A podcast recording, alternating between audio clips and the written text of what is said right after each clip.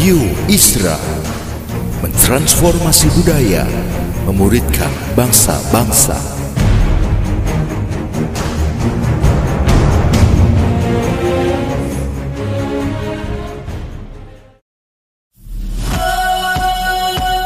Suara Transformasi Membagikan inspirasi tentang karya-karya memuridkan bangsa dengan nilai-nilai Kristiani dalam berbagai sisi kehidupan. Selamat mendengarkan.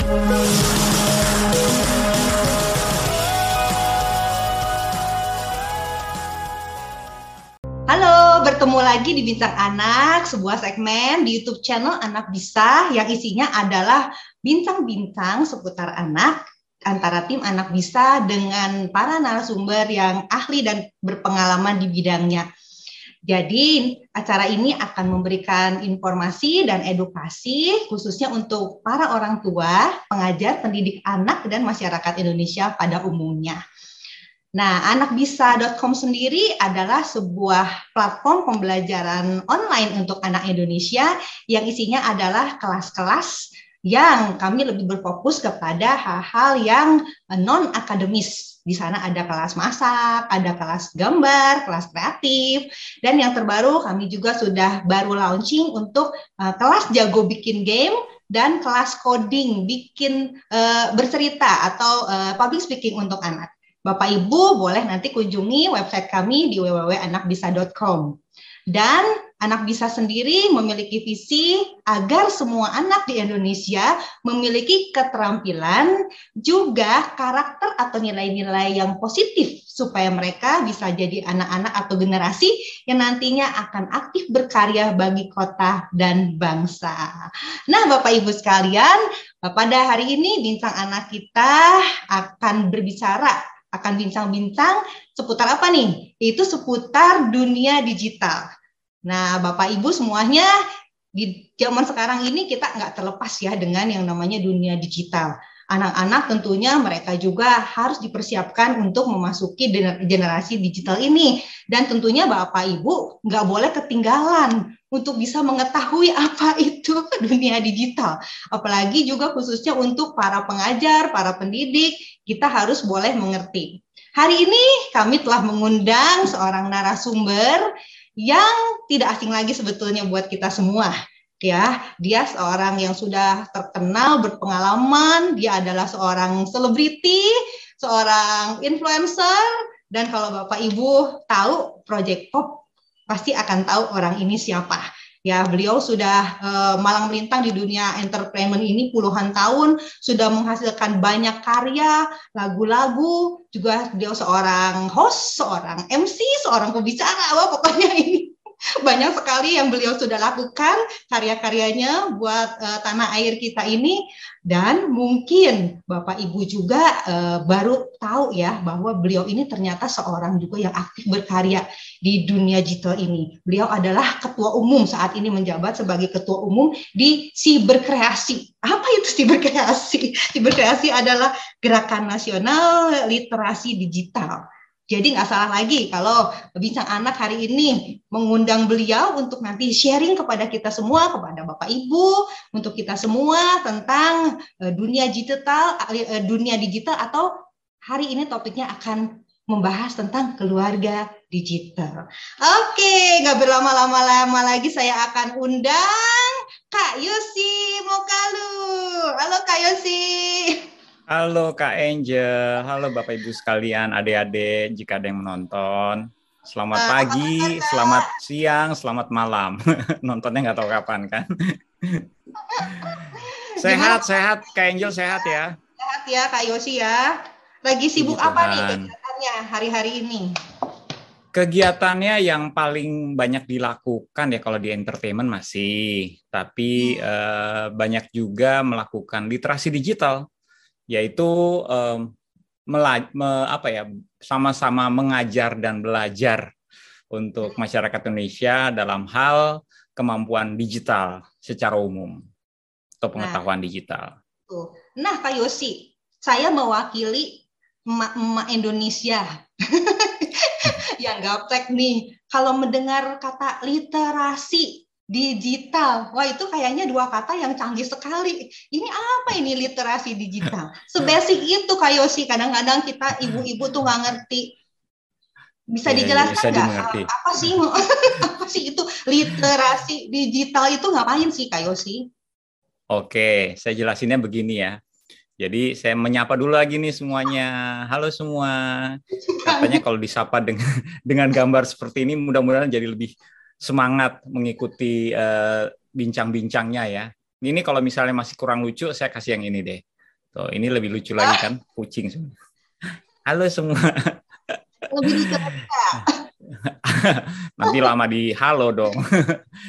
ya, kita mau bicarain ini kan, keluarga digital. Jadi apa yang sedang terjadi sekarang ini adalah seluruh dunia, bukan cuma Indonesia, bukan cuma kota di mana Bapak Ibu sekalian berada, tapi seluruh dunia sedang menuju kepada masyarakat digital dunia. Artinya Indonesia sebagai anggota masyarakat dunia pun harus menjadi masyarakat digital Indonesia. Kalau kita tidak mau mengikuti perubahan digital teknologi ini, yang ada kita tertinggal. Kan nggak ada yang mau tertinggal ya ke Angel ya. Semuanya mau menyesuaikan perubahan yang terjadi, mau mengejar. Masalahnya peradaban itu banyak dilihat atau di alat ukur utamanya adalah teknologi. Ya peradaban ya maksudnya wah dia sudah beradab. Kalau zaman dulu paling gampang kita melihatnya adalah eh, ini ya eh, zaman-zamannya eh, primitif gitu ya. Suku-suku primitif. Kalau suku-suku primitif kan menyalakan apinya masih pakai kayu masih pakai batu gitu ya. Nah kalau misalnya kita lihat ada satu suku primitif yang di sebelahnya nih ternyata wah dia ngalahin apa apinya udah pakai ini ya apa eh, pemantik apa ya pakai itu ya. Nah kita akan punya perkataan bahwa gini menyimpulkan bahwa yang itu lebih beradab ya kan seperti itu ya sebenarnya. Oh yang itu lebih beradab. Beradab kenapa? Karena dilihat dari kemampuannya dia. Eh, rata-rata memang biasanya soal teknologi. Selain ya ukuran lain banyak lah. Tapi yang paling utama adalah teknologi. Ya kita kita untuk menuju ke masyarakat digital berarti kita beradaptasi dengan kemajuan digital. Teknologi digital. Berarti menjadi keluarga digital adalah bahasa kerennya keniscayaan artinya mau nggak mau gitu ya mau nggak mau ya kita Ya. nggak mau kita eh, menuju ke sana. Nah ini em, ditambah lagi dengan sepertinya tidak ada yang kebetulan ya.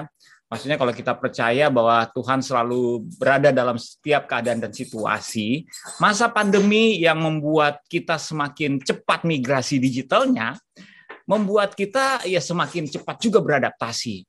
Pemerintah sendiri ya, pemerintah sendiri itu melakukan percepatan pembangunan tel- infrastruktur telekomunikasi digital loh Kak Angel. Dari 10 tahun menjadi dua tahun. Ya jadi Wow. dipercepat tuh. Heeh. Cuman dibangun di mana-mana. Kalau di Korea ada BTS, di Indonesia juga ada BTS, tapi bukan K-pop ya. Kita BTS itu Base Transceiver Station. Terus eh, ada palaparing penanaman fiber optik, ada satelit mau diluncurkan tahun 2023. Nah ini semuanya menunjukkan bahwa serius banget ya pemerintah kita untuk membangun infrastruktur telekomunikasi supaya apa? Supaya dari Sabang sampai Merauke semuanya memiliki fasilitas digital, namanya fasilitas digital yang sama.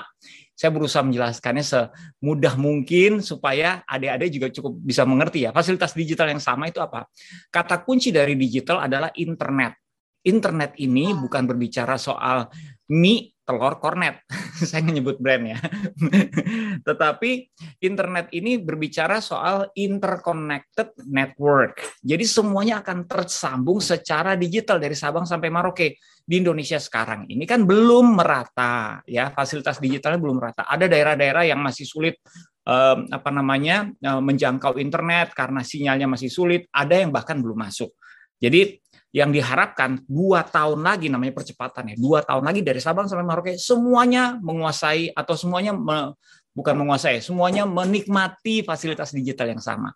Tapi percepatan telekomunikasi harus diimbangi juga dengan bunyi tingtung ada tamu berarti ya dengan eh, sumber daya manusia yang juga eh, apa namanya semakin baik atau semakin cakap kemampuan digitalnya. Kalau enggak nah kita akan banyak sekali menemukan dalam proses adaptasi ini orang-orang yang bukannya beradaptasi dengan baik dalam perubahannya, tetapi malah terbawa arus perubahan. Ini yang kita nggak mau. Nah, keluarga digital penting karena keluarga adalah komponen komponen terkecil dan penting dari bangsa. Kalau kita bisa menciptakan dan mewujudkan keluarga digital yang sehat, otomatis masyarakat digital nasionalnya juga sehat.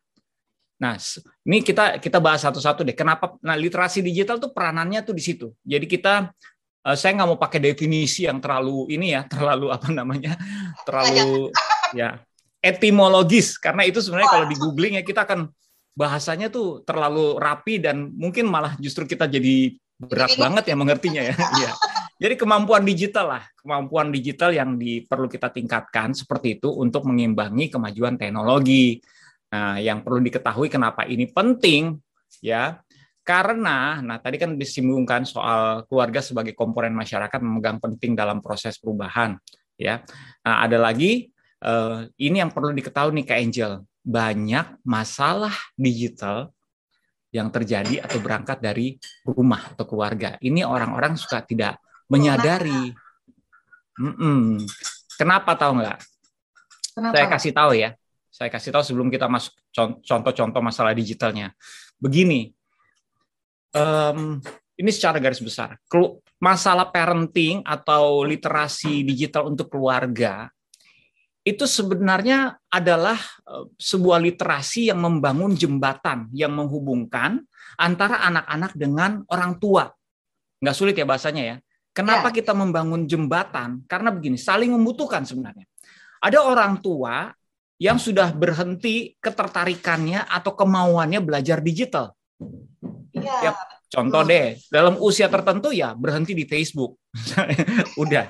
Kalau anak-anaknya sudah main TikTok, main Instagram, orang tua usia tertentu sudah berhenti di Facebook. Facebook aja masih minta diajarin kadang-kadang. Gimana yeah. ya ini bikinnya nih, masuknya gimana ya gitu ya.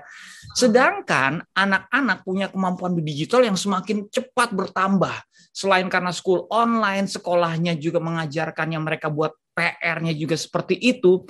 Jadi ada gap antara kemampuan digital dan uh, anak dan orang tua. Ini gap yang yang pertama.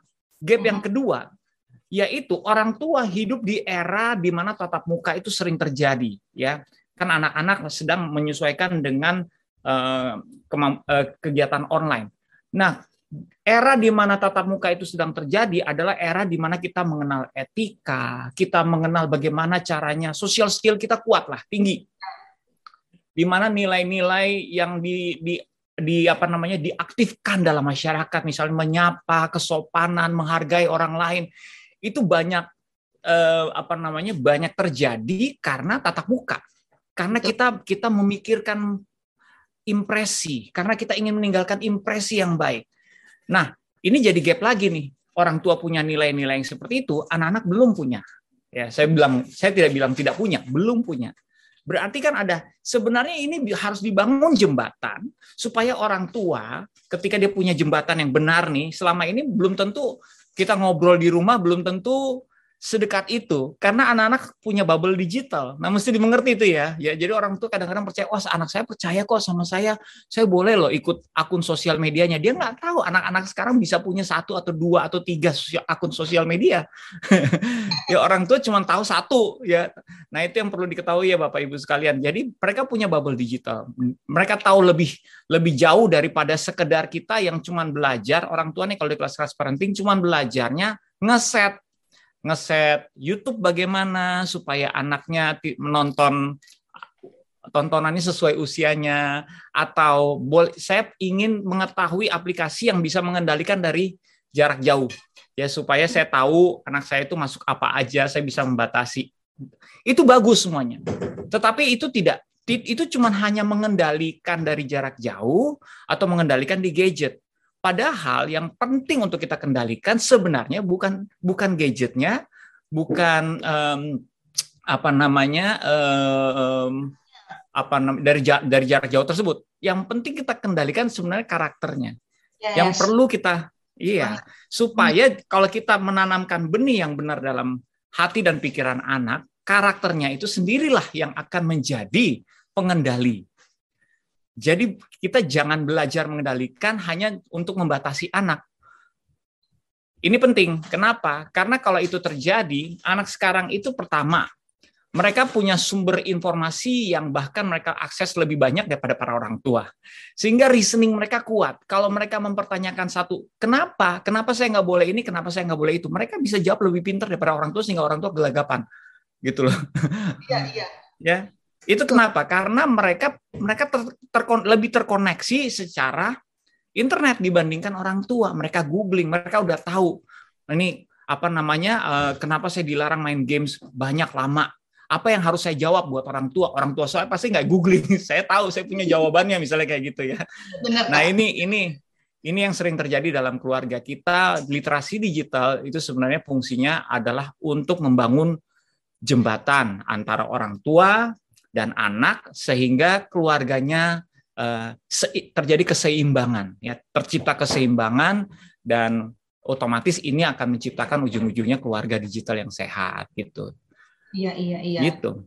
Wah, banyak. Jadi Kak, dari literasi digital itu ternyata nyambung ke keluarga. Saya amazed loh ini. Bahkan si digital sendiri ini tadi Kak Yosi bilang itu akan menjadi jembatan antara anak dan orang tua. Ya, tadi juga dibahas mengenai adanya kesenjangan kemampuan digital antara anak dan orang tua, kemudian juga yeah, nyambung yeah. kepada etika, bahkan sampai ke karakter nih tadi karakter bagaimana yeah. orang tua membangun anak. Nah, sekarang saya jadi wondering nih, balik lagi nih kepada tadi ya, literasi digital untuk keluarga ini. Penerapannya nih, kalau misalnya nih, mm -hmm. literasi digital ini mau diterapkan kepada keluarga nih, yeah. Jembatani antara orang tua dengan anak nih. Praktisnya itu uh, apa nih, Kak Yosi nih, cara gampang ini? aplikatifnya ya, ci aplikatif. Ya. Aplikatif Kita, ya paling gampang aja nih orang tua nih ya para ibu-ibu bapak-bapak sejauh mana mereka harus punya uh, pengetahuan untuk kemudian nanti diterapkan untuk menciptakan uh, keluarga digital yang sehat tadi yang kata Kak Yosi. Nah, Gampang praktisnya gimana? Ini bagus nih pertanyaan Kak Angel karena Kak Angel tadi melihatnya bagaimana orang tua berarti yang memang harus mulai orang tua, bukan anak. Ya. Walaupun anak memiliki kemampuan digital yang lebih baik daripada orang tua, ya secara umum, tapi yang mulai sebaiknya orang tua. Itu betul, itu betul. Ya. Kita lihat dulu aja eh, masalah-masalah yang sering ditemukan apa sih? Ya, ada adiksi, ya, ada gangguan psikologis, ya, dan fisik, ada menurunnya social skill, ada juga yang bosan belajar online akademisnya malah turun, Betul. ada cyberbullying, ada ini juga nih Kak Angel, seksual predator. Hmm.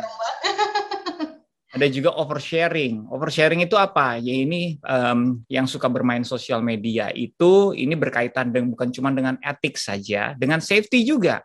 Karena um, mereka akan membagikan data-data yang sebenarnya tidak perlu dibagikan. Nah ini oversharing itu seperti itu ya. Um, macam-macam uh, yang kategori oversharing ini juga ya. Ada juga yang karena menganggap remeh atau bahasa apa ya bahasa umumnya abai ya abai. menganggap remeh uh, penjahat penjahat penjahat penjahat cyber ini ya cyber crime ini ya karena hmm. uh, penipu itu sekarang di zaman digital teknologi mereka sudah bukan cuma jago buat hoax gitu ya mereka juga jago dalam menggiring opini atau membuat narasi-narasi penipuan saya sering ngomong kayak gini ya ini hanya dengan stiker yang di mobil saja. Uh, Kak Angel tahu nggak ada stiker di mobil ya? Kita kasih misalnya kita tempel di belakang tuh yang gambar keluarga tuh yang ada yang mama, papa gitu ya segala macam ya. Gitu uh, saya saya coba saya lihat saya ada contohnya nggak ya di sini ya. Saya biasanya suka kasih contoh tuh yang kayak gitu. Oh nggak ada nggak ada nggak ada. ya itu ya kalau dari stiker-stiker di mobil aja kita kita lihat nih ada nama namanya siapa, nama papanya siapa dikasih tulis kan namanya tuh ada Tony, Ira, terus anak yang paling tua namanya siapa, Wati, let's say ya, Wati, anak yang kedua namanya Budi misalnya gitu ya. Terus punya kucing namanya Tiger misalnya gitu ya. Lalu ada orang yang memang berniat menipu, ya dia hanya karena mungkin uh, anaknya satu sekolah benar gitu ya, atau dia melihat bapak ibu ini sedang apa namanya parkir di de belakangnya depannya dia. Wah dia lihat nih ada informasi, dia bisa keluar tuh. Halo ibu apa kabar? Kita siapa ya gitu ya? Loh ibu kan orang tuanya Wati kan, anak kita satu sekolah bu. Oh, oh ya, nah kan sudah mulai ada oh ya gitu ya. Wati itu kan adiknya siapa namanya Budi ya kalau nggak salah. Oh tahu dari mana? Ibunya lupa stikernya udah ngasih informasi. Iya, iya. Saya pernah lihat loh tuh si Budi bawa-bawa tiger Wah dia sampai tahu kucingnya, kucingnya namanya tiger kan ya. Tahu dari mana sih? Padahal dia lupa ada informasi tersebut di stiker. Nah bayangkan stiker bisa membuat seseorang membuat sebuah narasi penipuan yang pendekatan yang seperti itu, apalagi sosial media.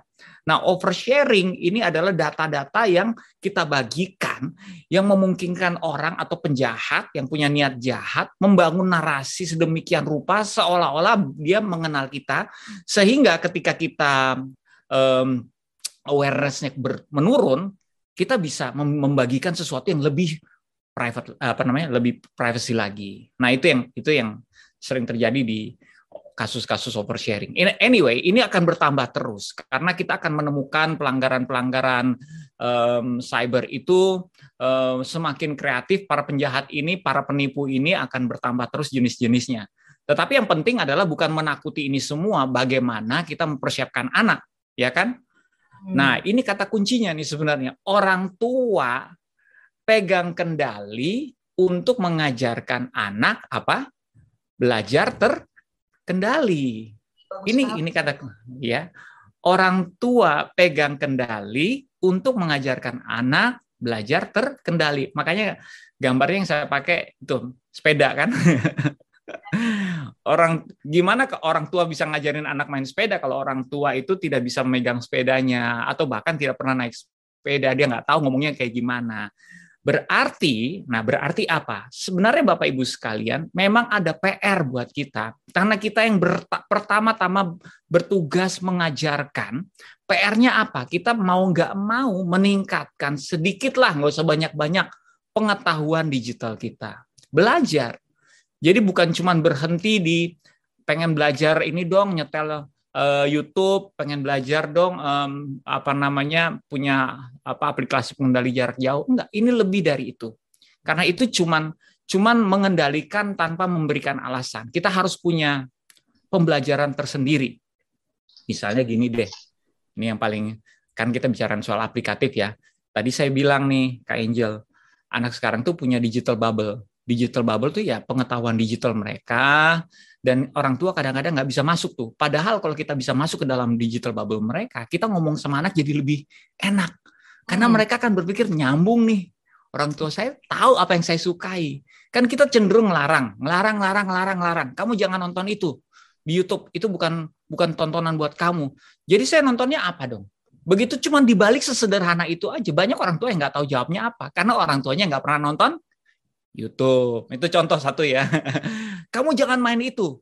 Itu kayaknya sadis ya, tembak-tembakan banyak darah. Kamu, aduh, nggak mau deh, mama mau kamu main itu. Kita ngelarang. Terus anaknya nanya, jadi saya mainnya apa? Nah, nah. orang tua nggak punya referensi. Padahal itu bisa itu bisa dicari tahu, bisa di googling gitu. Apa ya mainan yang menarik favorit untuk anak umur segini? Nah, kita kan bisa tahu ya.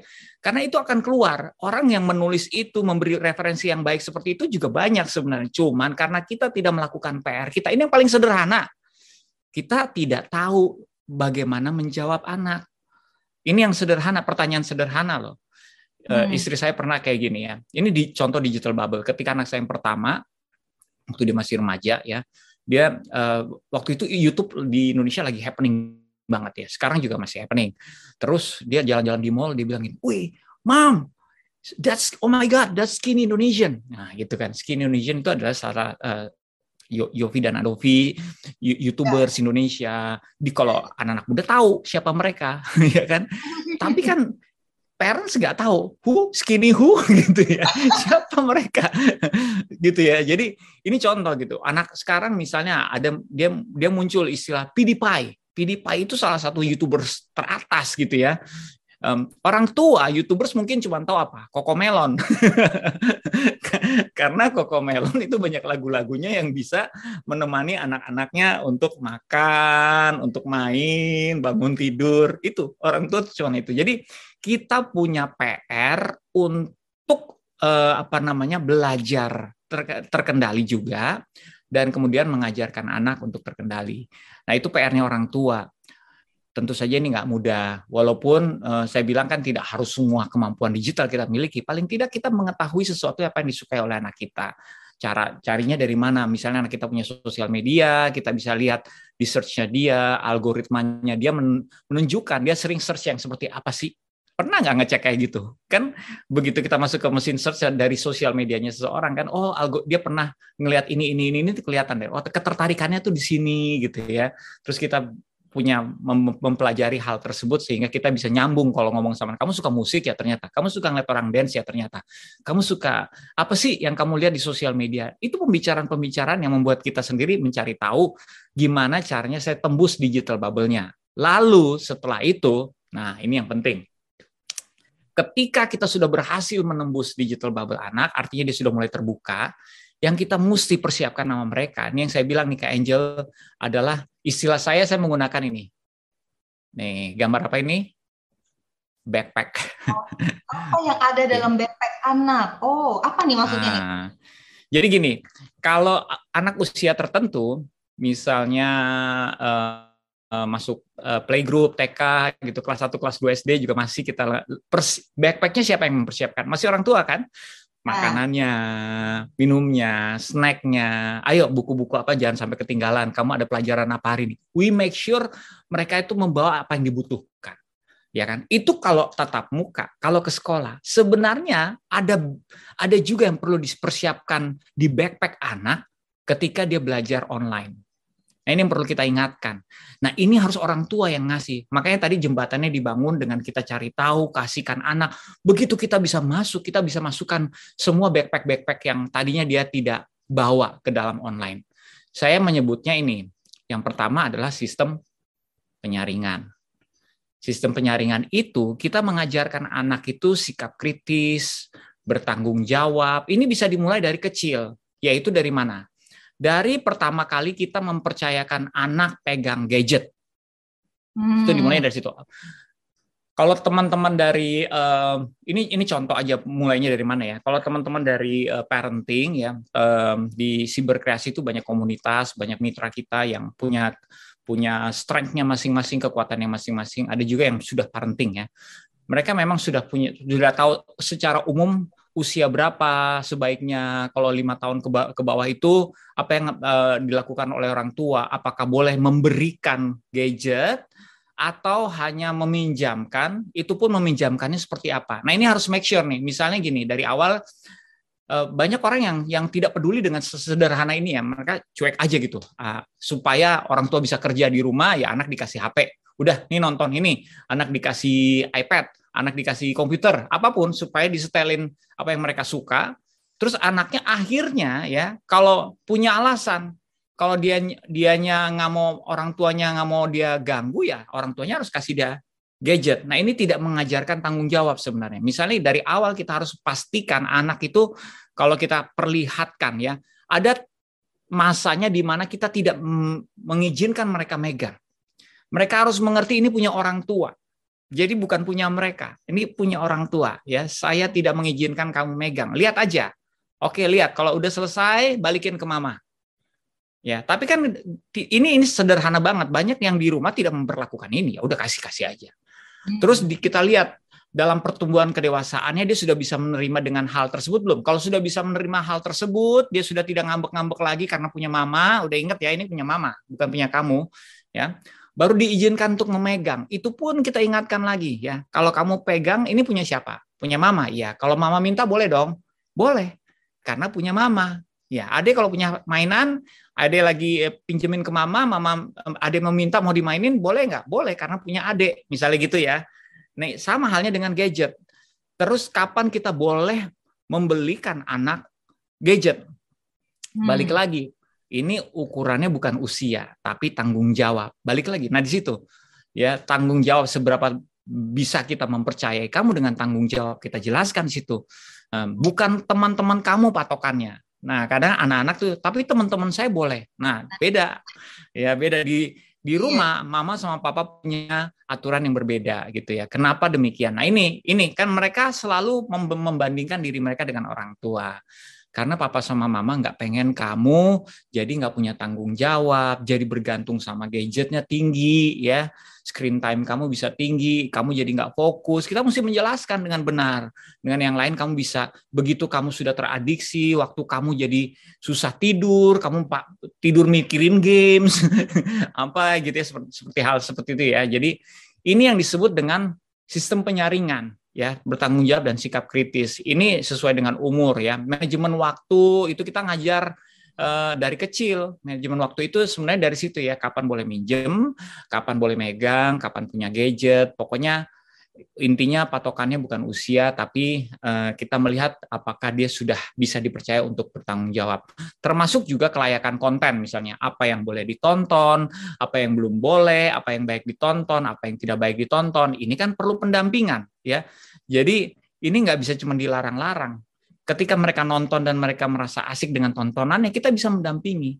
Itu wow, kamu suka ya nonton kayak gini. Ini anak akhirnya akan berdiskusi dan berdialog dengan kita karena kita menunjukkan ketertarikan kita sama hal yang sama. Kalau kita cuma ngelarang, ngelarang, larang, akibatnya apa? Anak juga digital bubble-nya makin terbentuk dan balik lagi komunikasi kita cuma berjalan di permukaan. Ketika kita nggak ada, apakah sistem penyaringan ini ada? Belum tentu. nah ini yang penting. Jadi ini satu ya, ada dua hal yang mesti masuk ke backpacknya. Satu sistem penyaringan. Nah yang kedua ini nih. Ini makanya saya bilang masalah digital kok ternyata tidak harus seribet itu ya, tidak belajar teknologi karena memang banyak berangkat dari rumah. Yang ya, kedua ya. ini nih, sistem pertahanan. Sistem pertahanan. Kita suka ya anak yang memiliki kepedulian ya. Tetapi kepedulian itu berbeda. Um, mungkin terlihat terlihatnya sama, actionnya sama, tetapi banyak banyak yang mendasarinya berbeda. Ada orang yang peduli dengan orang lain ya karena pencitraan. Yang udah gede kan gitu ya. Peduli sama ini ya karena pencitraan. Bukan berarti sesuatu yang datang dari ketulusan. Saya memang benar-benar peduli. Kepedulian anak juga bisa diajarkan seperti itu. Cuman kenapa saya bilangnya sistem pertahanan? Nah, ini dalamnya seperti ini nih Bapak Ibu sekalian ya. Karena sistem pertahanan itu bukan kemampuan kita bela diri, kemampuan kita membalas orang yang menyerang kita, tapi sistem pertahanan itu berbicara soal kekuatan hati, berbicara soal identitas. Yes. Ini adalah parenting offline yang dibawa ke online. Apa itu parenting offline? Orang tua pasti kalau parenting offline di kelas-kelas tersebut akan diingatkan, "Hai orang tua, carilah bahasa cinta anak." Karena anak yang merasa dikasih atau dicintai, anak-anak yang semakin cepat dewasa, secure, ya. Ketika mereka dibully oleh temannya di dihina oleh temannya dia tahu ada tempat pelarian yang membuat dia nyaman yang dia dikasih. Bahkan lebih dari itu dia tahu kalau di rumah dia dikasih dia bisa bawa itu ke sekolah. Sehingga kalau dia punya rasa aman dan nyaman yang berasal dari merasa dikasihi dia malah mungkin kalau itu berlimpah, dia dia mulai peduli, dia membagikan sama teman-temannya, dia membela teman-teman yang dibully. Jangankan memikirkan temannya untuk dibully, dia membela temannya yang dibully. Kenapa? Karena karena di sininya secure.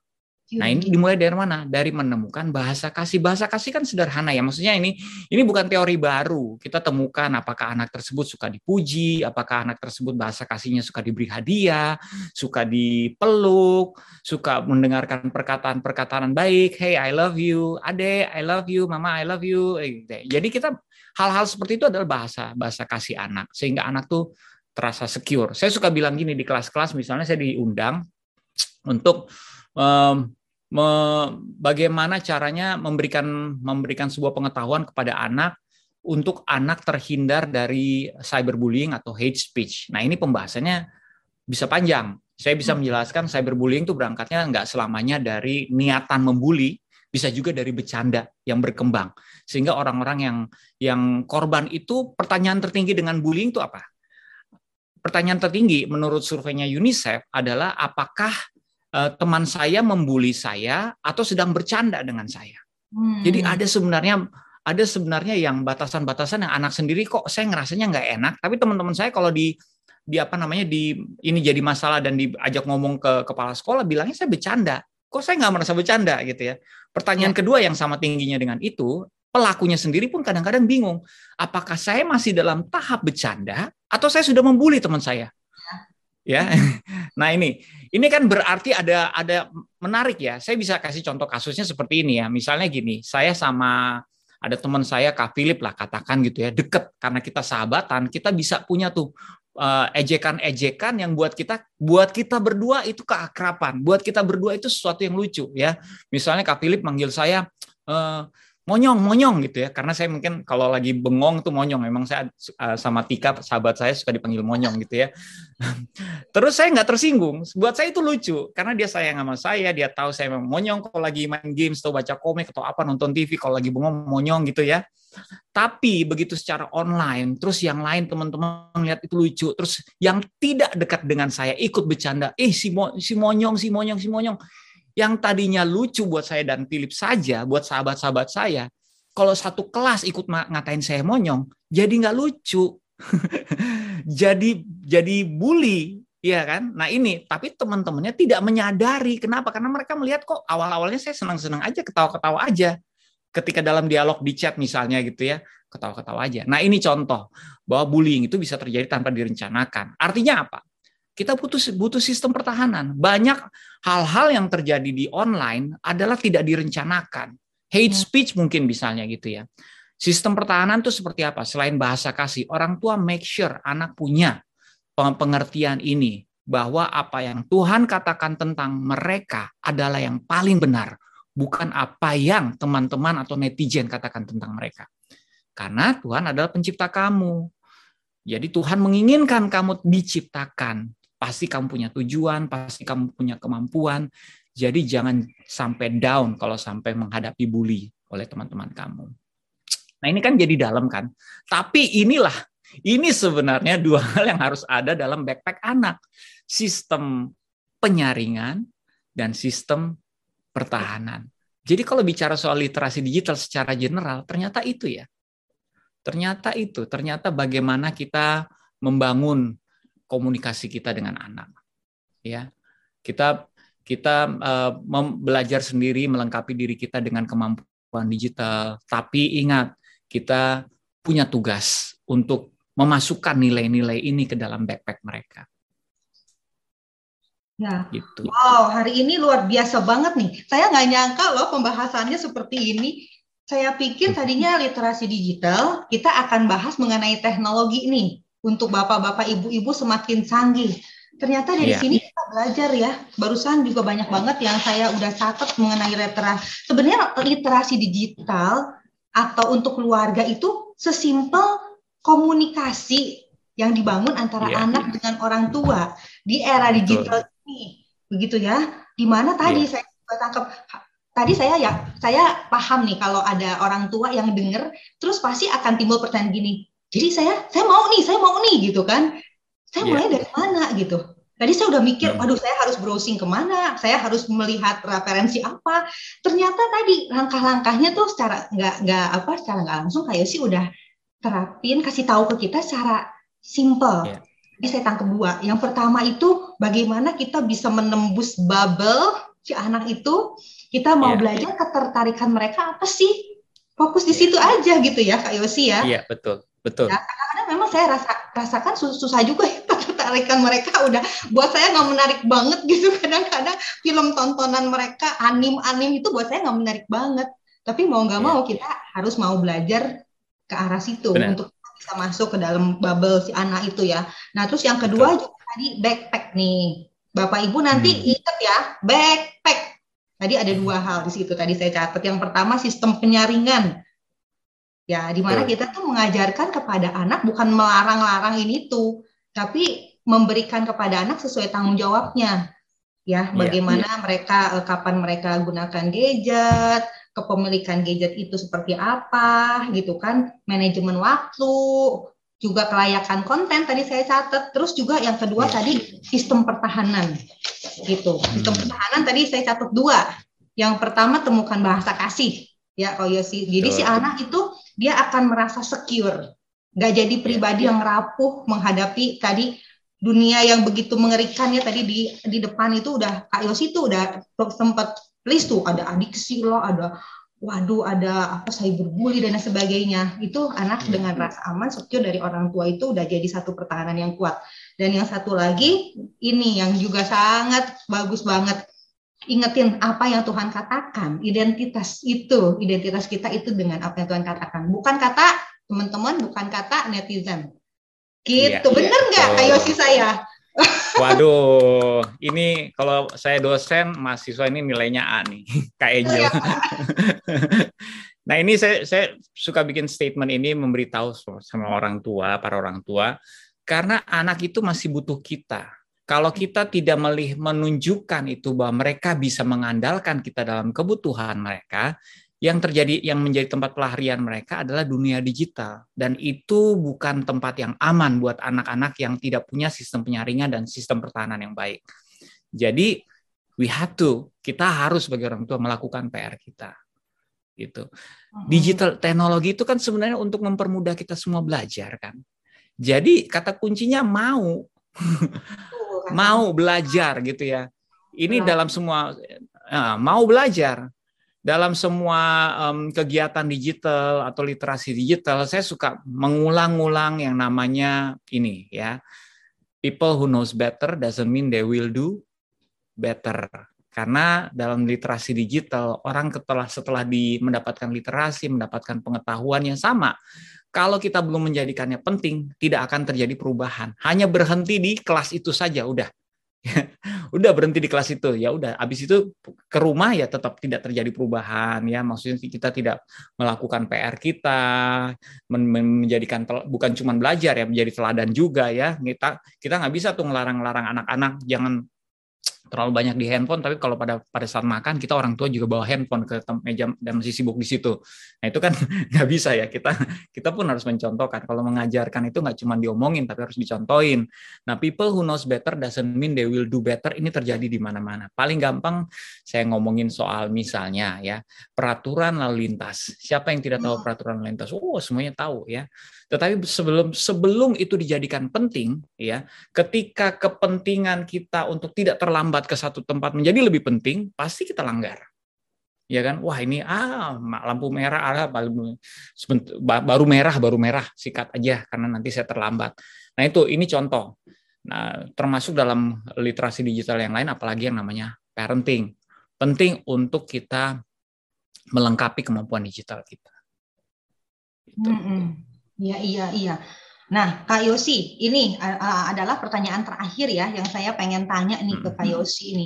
Tadi kita Kak Yosi bilang bahwa sekedar tahu aja gitu bahwa orang tua itu uh, belum cukup gitu. Harus ada kemauan untuk belajar. Terus uh, iya. ada kepedulian juga ya, berarti ada kepedulian ya terhadap keluarga, terhadap generasi dan juga Iya. menganggap hal itu penting. Nah, ceritanya nih kita para orang tua udah melihat, kita mau belajar. Kita udah melihat hal ini sebagai hal yang penting gitu. Nah, kira-kira Kak Yosi punya satu kunci nggak atau satu hal yang bikin kita nih sebagai orang tua itu kita istilahnya mengeluarkan effort kita untuk kita ini benar-benar mau mengerti gitu, untuk kita ini mau benar-benar membentuk satu keluarga digital yang sehat di dunia di Iya, era iya. digital ini yang bikin kita benar-benar kayak ya saya mau saya ini penting gitu. Kira-kira apa nih? Saya selalu bilang kayak gini ya, bahwa kita harus melihat keluarga itu adalah salah satu em, bukan saja komponen terkecil dari masyarakat, tetapi juga ke- kepentingannya Tuhan. Tuhan ingin kita menjadi keluarga-keluarga yang sehat, yang ujung-ujungnya berkontribusi buat eh, bangsa dan negara. Ya, nah keluarga yang sehat itu kalau kita diberi anak, anak adalah tanggung jawab. Nggak semuanya kan punya anak ya, tapi kalau kita bicara soal parenting pagi hari ini, kita diberi anak artinya kita diberi em, tanggung jawab. Kita sebagai anak, waktu kita sebagai anak, bisa nggak kita milih orang tua kita? Nggak bisa kan? Sama, anak kita juga nggak bisa milih orang tua. Berarti yang memilihkan siapa? Pencipta kita. Nah, pencipta kita ketika memilihkan kita jadi orang tua atau memilihkan orang tua kita untuk kita, sudah mempercayakan ada sistem pengajaran yang dibutuhkan anak untuk masa depannya baik itu sistem mengajarkan karakternya atau kesiapannya atau soft skill-nya mungkin kan karena soft skill itu banyak belajar dari berangkat dari rumah Ini untuk masa depan anak. Jadi kalau kita jadi orang tua, mikirnya bukan anak sekarang saja, ya, memelihara mereka, menyekolahkan mereka, tapi memikirkannya juga di kemudian hari mereka akan menjadi apa. Nah itu dimulai dari sekarang sebenarnya. Salah satunya yang yang dibutuhkan anak, kalau kata Pak Nadim ya, ya ini Pak Nadim itu mengambil sebuah sebuah membaca sebuah buku kalau nggak salah. Saya lupa bukunya apa itu ya. Pak Nadim Menteri Kemendikbud kita saat ini dia bilang ini faktor sukses orang ya. Itu faktor sukses sukses anak itu ternyata bukan bukan paling ditentukan oleh nilai akademis. Malah dia stating ada 10 poin berdasarkan penelitian tersebut yang di, merupakan hasil penelitian dari berapa orang miliarder di US. Ya, ada cukup banyak gitu ya. Semuanya bicara soal soft skill. Semuanya bicara soal soft skill. Nomor satu apa atau enggak? Um, kepercayaan, ya kejujuran. Karena kejujuran itu memunculkan kepercayaan. Nah, kepercayaan akan memunculkan banyak kesempatan karena kita dipercayakan untuk hal-hal yang besar. Tapi ini kan tidak langsung ke situ ya. Ini kan sesuatu yang dibangun ya. Ini sesuatu yang ditumbuhkan. Bagaimana membuat seorang anak itu jujur ya selain dari yang tadi kita pelajari itu sistem penyaringan, sistem uh, pertahanan itu pasti akan membuat seorang anak itu jujur. Tapi balik lagi ke orang tua, kita kan ingin anak kita sukses. Kita bangga bahkan jika anak kita sukses. Tapi kalau kita tidak mulainya dari sekarang ya melakukan apa yang mereka butuhkan, mem memberikan apa yang mereka butuhkan, menyediakan apa yang mereka butuhkan dalam backpack mereka mereka bagaimana itu akan terbentuk menjadi sebuah karakter yang baik ya anak sekarang ini penting buat orang tua. Sekali lagi ini kan bagian dari empowerment ya. Selain mengerti kita punya fungsi untuk menyediakan mereka tempat bertumbuh dan belajar ya soft skill ini karakter keutuhan mereka identitas mereka itu semua dari orang tua yang paling besar peranannya. Kita juga harus me me melihat ke depannya bahwa kalau anak ini sukses kita yang bahagia. Dan kita juga tahu bahwa anak pribadi pun um, berada dalam sebuah lokasi, berada dalam sebuah situasi, Tuhan pilihkan untuk kontribusi sebenarnya, untuk punya fungsi dan dan mengerjakan potensi. Ini semua hanya bisa uh, menjadi sebuah sistematis yang baik, akhirnya lahir menjadi sebuah pribadi yang baik karena peranan orang tua yang baik. Jadi anak itu memang butuh banget orang tua dan bukan cuma anak loh yang Tuhan pilihkan hidup dalam situasi ini, yaitu situasi digital teknologi. Kita termasuk orang-orang yang terpilih untuk menghidupi situasi ini. Artinya apa? Kan kita lokasi dan situasi bukan pilihan kita ya. Kita nggak bisa milih mau dilahirkan di mana dan situasi seperti apa. Nah, berarti kita pun terpilih menjadi generasi yang menjaga nilai-nilai anak atau masa depan bangsa. Itu kita orang tua. Iya, iya, iya. Waduh, dalam banget nih hari ini pembahasannya. Dari penuturan Kayosi ini saya sebagai orang tua, tiba-tiba saya jadi nangkap sesuatu nih dari percakapan kita hari ini. Adalah satu kehormatan buat kita orang tua nih, bisa Tuhan titipkan anak ya untuk kita punya tanggung jawab untuk membentuk mempersiapkan mereka ya karakter yeah, mereka yeah. itu bagaimana mereka kesuksesan mereka nanti di masa depan itu perlu kita bangun dari sejak sekarang dan itu tanggung jawab orang tua dan butuh iya. waktu untuk membangun. Jadi ini bukan masalah bisa nggak bisanya orang tua, mau nggak maunya bukan pilihan, tapi ini udah jadi amanat ya Koyosi untuk orang tua iya, itu yeah, melakukan hal-hal tersebut yang tadi Koyosi bilang kepada anak-anak kita. Nah, kiranya itu benar-benar jadi satu apa ya pemahaman nih buat semua orang tua. Uh, juga gak ketinggalan para pendidik ya para pengajar pendidik yang memang uh, dipercayakan Tuhan nih untuk mengambil waktu bertemu dengan anak-anak ini. Bagaimana kita ini bisa mempersiapkan anak-anak ini di era digital ini. Gitu. Aduh thank you banget nih Kak Yosi untuk hari ini uh, perbincangannya yang sangat dalam tapi juga sangat uh, mudah dimengerti gitu ya oleh kami para orang tua gitu. Nah, se sebagai sebelum mengakhiri mungkin ada pesan-pesan dari Kak Yosi kata penutup untuk uh, para orang tua atau juga mungkin adik-adik yang mendengar. Silahkan Kak Yosi. Oke, karena um, saya sama nih sama teman-teman saya um, Kak Philip, Kak Julie, Kak Angel ya, kita berada dalam industri kreatif ya. Saya kayaknya tertantang kalau diberikan uh, kesempatan untuk uh, memberikan pesan, saya akan memberikan pesan uh, semuanya dengan akhiran si karena nama saya Yosi. Kak Yosi. Jadi pesan, pesannya seperti ini nih, mama papa semuanya ya, para orang tua. Percayalah kita atau anak kita juga punya potensi. Karena pasti Tuhan ciptakan kita sebagai dengan fungsi. Akui diri kita di setiap lokasi. Indonesia adalah tempat kita berkontribusi. Tidak perlu posisi untuk jadi praktisi, tapi butuh rasa peduli pada generasi. Sekalipun sendiri, tetap berani beraksi. Ciptakanlah kreasi yang menginspirasi. Ide yang ada jangan sampai jadi basi. Berani mencoba bereksperimentasi. Gagal, Coba lagi, miliki persistensi. Ciptakan jejak digital dengan konsistensi. Ini semua akan menjadi rekomendasi. Anak atau kita akan dipercaya, bahkan terlihat lebih seksi ya jika kita mengajak orang lain untuk berkolaborasi pastinya. Itulah pesan dari Yosi. Terima kasih. Wow, saya tepuk tangan nih. Luar biasa tuh ya, akhiran sih begitu banyak. Ada berapa puluh sih itu yang ternyata udah bisa diutarakan sama Kak Yosi nih. Aduh bener-bener ini seorang yang sangat kreatif ya.